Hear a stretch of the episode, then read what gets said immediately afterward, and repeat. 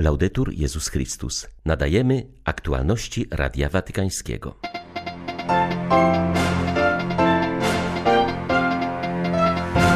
Rozpoczyna się tydzień modlitw o jedność chrześcijan. Jego temat opracowała ekumeniczna wspólnota monastyczna ze Szwajcarii. W Paryżu odbył się doroczny Marsz dla Życia. Jutro w Senacie rozpocznie się debata nad prawem, które wprowadza późne aborcje i znosi klauzulę sumienia dla lekarzy.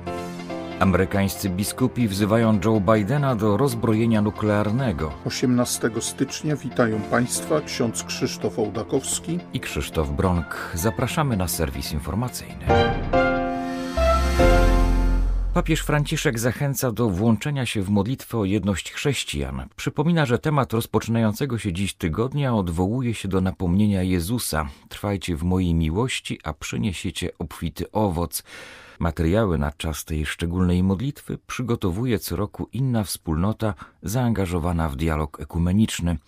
Obecnie opracowały je mniszki ze wspólnoty w Grandchamp w Szwajcarii, w której żyje 50 sióstr różnych narodowości i denominacji chrześcijańskich. Nasza wspólnota powstała w 1936 roku. Od początku szukamy inspiracji w ekumenicznej wspólnocie z Teze, mówi przeorysza Grandchamp. Nous avons désiré vraiment pouvoir euh, exprimer le plus Pragnęłyśmy, by wybrany temat jak najbardziej oddawał ducha naszej wspólnoty.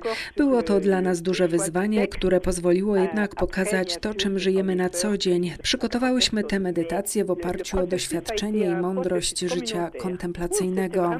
Wstępując do naszej wspólnoty, każda z nas musiała w jakiejś mierze zostawić specyfikę swego kościoła, by wejść w nasz wspólnotowy wymiar, przywołujący całe bogactwo Kościoła powszechnego które wyłania się z tej jedności. Przez temat chciałyśmy wskazać na miłość Boga i podkreślić, że tylko dzięki niej żyjemy. W tygodniowych rozważaniach pokazujemy, że to trwanie w miłości nie jest proste, wymaga codziennego wysiłku, ale ta wytrwałość przynosi owoc. W naszej codzienności widzimy, że od różnic teologicznych trudniejsze jest pokonanie tego, co ze sobą przynosimy, historii naszego życia. Budując jedność, musiałyśmy też każda zostawić coś z własnej tradycji liturgicznej, by wypracować liturgię wspólnotową, która będzie w stanie zjednoczyć wszystkich.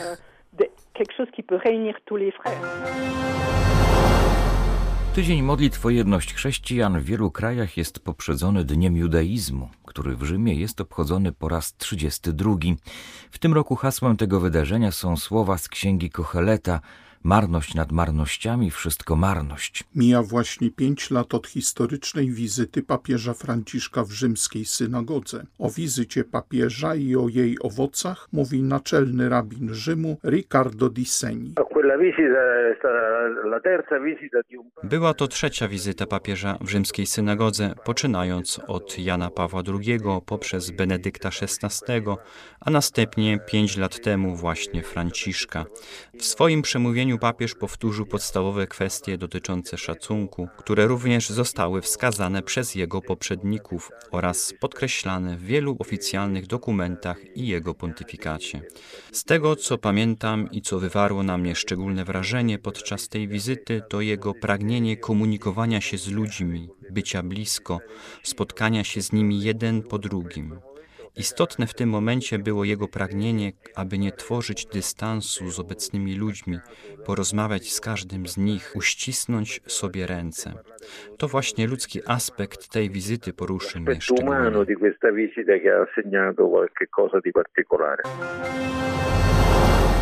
Papież mianował nowego sekretarza Kongregacji Spraw Kanonizacyjnych. Został nim biskup Fabio Fabene, dotychczasowy podsekretarz Synodu Biskupów. Biskup Fabene, podobnie jak prefekt Kongregacji Spraw Kanonizacyjnych, kardynał Marcello Semeraro, jest Włochem. Urodził się w 1959 roku w Rzymie. Doktorat z prawa kanonicznego uzyskał na papieskim Uniwersytecie Laterańskim. W 1998 roku rozpoczął pracę w Kongregacji do Spraw Biskupów.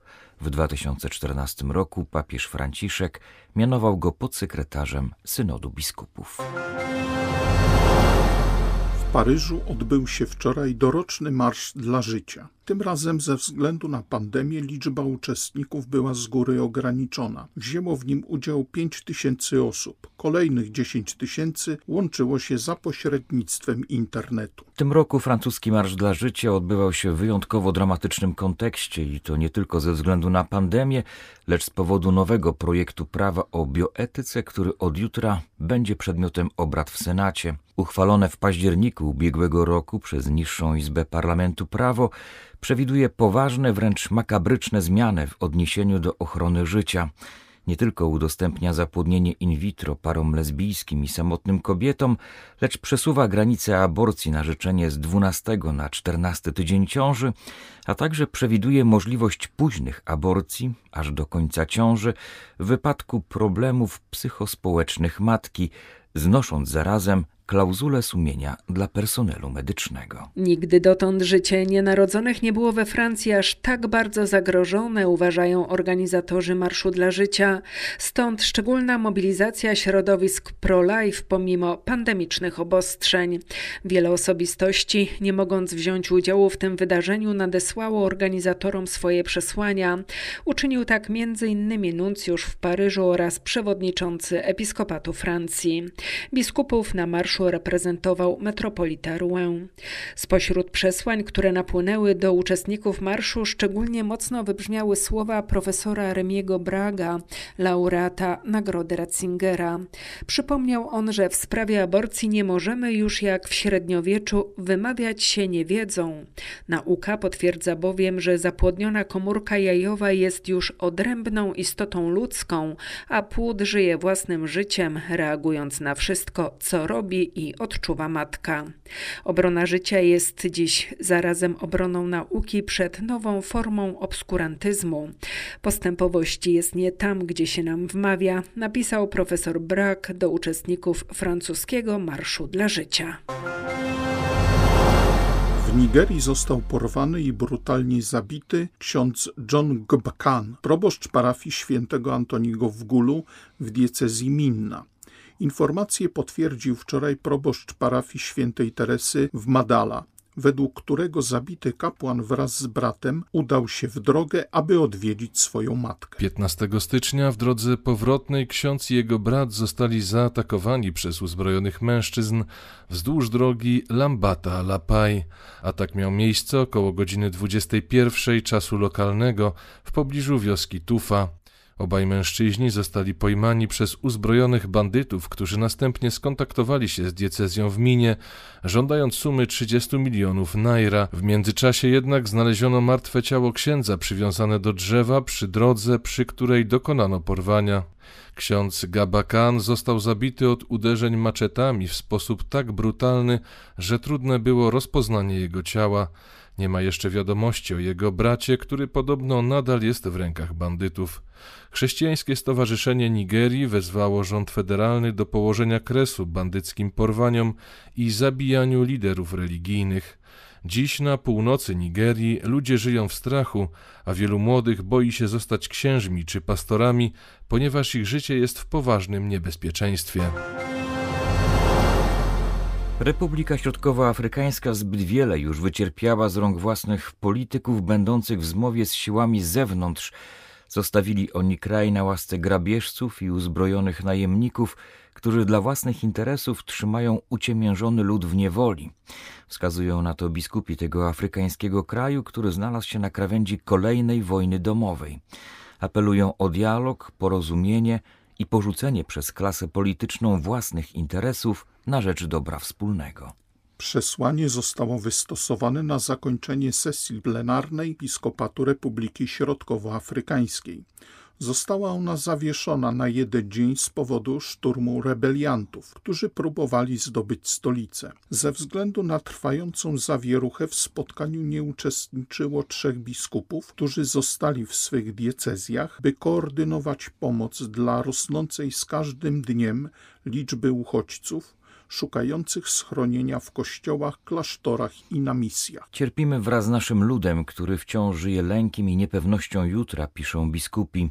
Proponują też kilka możliwych rozwiązań mogących przyczynić się do odbudowy kraju i zaufania społecznego, mówi Radiu Watykańskiemu biskup Mirosław Gucwa z Bułar. Republika Środkowej Afryki przypomina paralityka, który potrzebuje pomocy ludzkiej i interwencji samego Boga. Kraj cierpi ze względu na sprzedajność polityków, którzy dla własnych zysków podpisują umowy niekorzystne dla kraju, który jest bogaty w surowce, a ludzie żyją w biedzie. Kolejnym sposobem wyjścia z trudności byłoby uzdrowienie Trybunału Sprawiedliwości, aby skutecznie walczyć z niekaralnością i ścigać przestępców, którzy są u źródła całego nieporządku. To może też doprowadzić do uzdrowienia pamięci w narodzie, który od lat 60. oczekuje na wyjawienie prawdy dotyczącej powiązań poszczególnych prezydentów i ważnych polityków ze światowymi mafiami, które nakręcają konflikty. Ostatnią propozycją jest uświadomienie odpowiedzialności rodzimych polityków za braki w funkcjonowaniu kraju i jego rozwoju, dlatego że szukają prywatnych interesów, a nie dobra wspólnego. Amerykański episkopat wzywa Joe Bidena, aby rozbrojenie nuklearne stało się priorytetem jego prezydentury. Przewodniczący Komitetu do Spraw Sprawiedliwości i Pokoju w episkopacie amerykańskim złożył oficjalną prośbę o przedłużenie obustronnego traktatu między Moskwą a Waszyngtonem w sprawie zmniejszenia ilości głowic jądrowych w celu stopniowego rozbrojenia krajów z tego typu arsenału. 8 kwietnia 2000 roku Rosja i Stany Zjednoczone podpisały traktat New START, który zobowiązywał obie strony do zmniejszania ilości arsenału nuklearnego i utrzymaniu go znacznie poniżej poziomu z czasów zimnej wojny. Minęło 10 lat i 5 lutego traktat przestaje obowiązywać. Oba kraje jak dotąd nie wykazały jeszcze chęci przedłużenia owej umowy. Przedstawiciel episkopatu traktuje tę sprawę jako priorytetową. Działania na rzecz przestrzegania New Start mają zmniejszyć ryzyko użycia broni jądrowej do minimum. Według arcybiskupa Maloja umowa ta ma być rozumiana jako krok do całkowitego rozbrojenia z broni nuklearnej wszystkich krajów uzbrojonych w głowice jądrowe.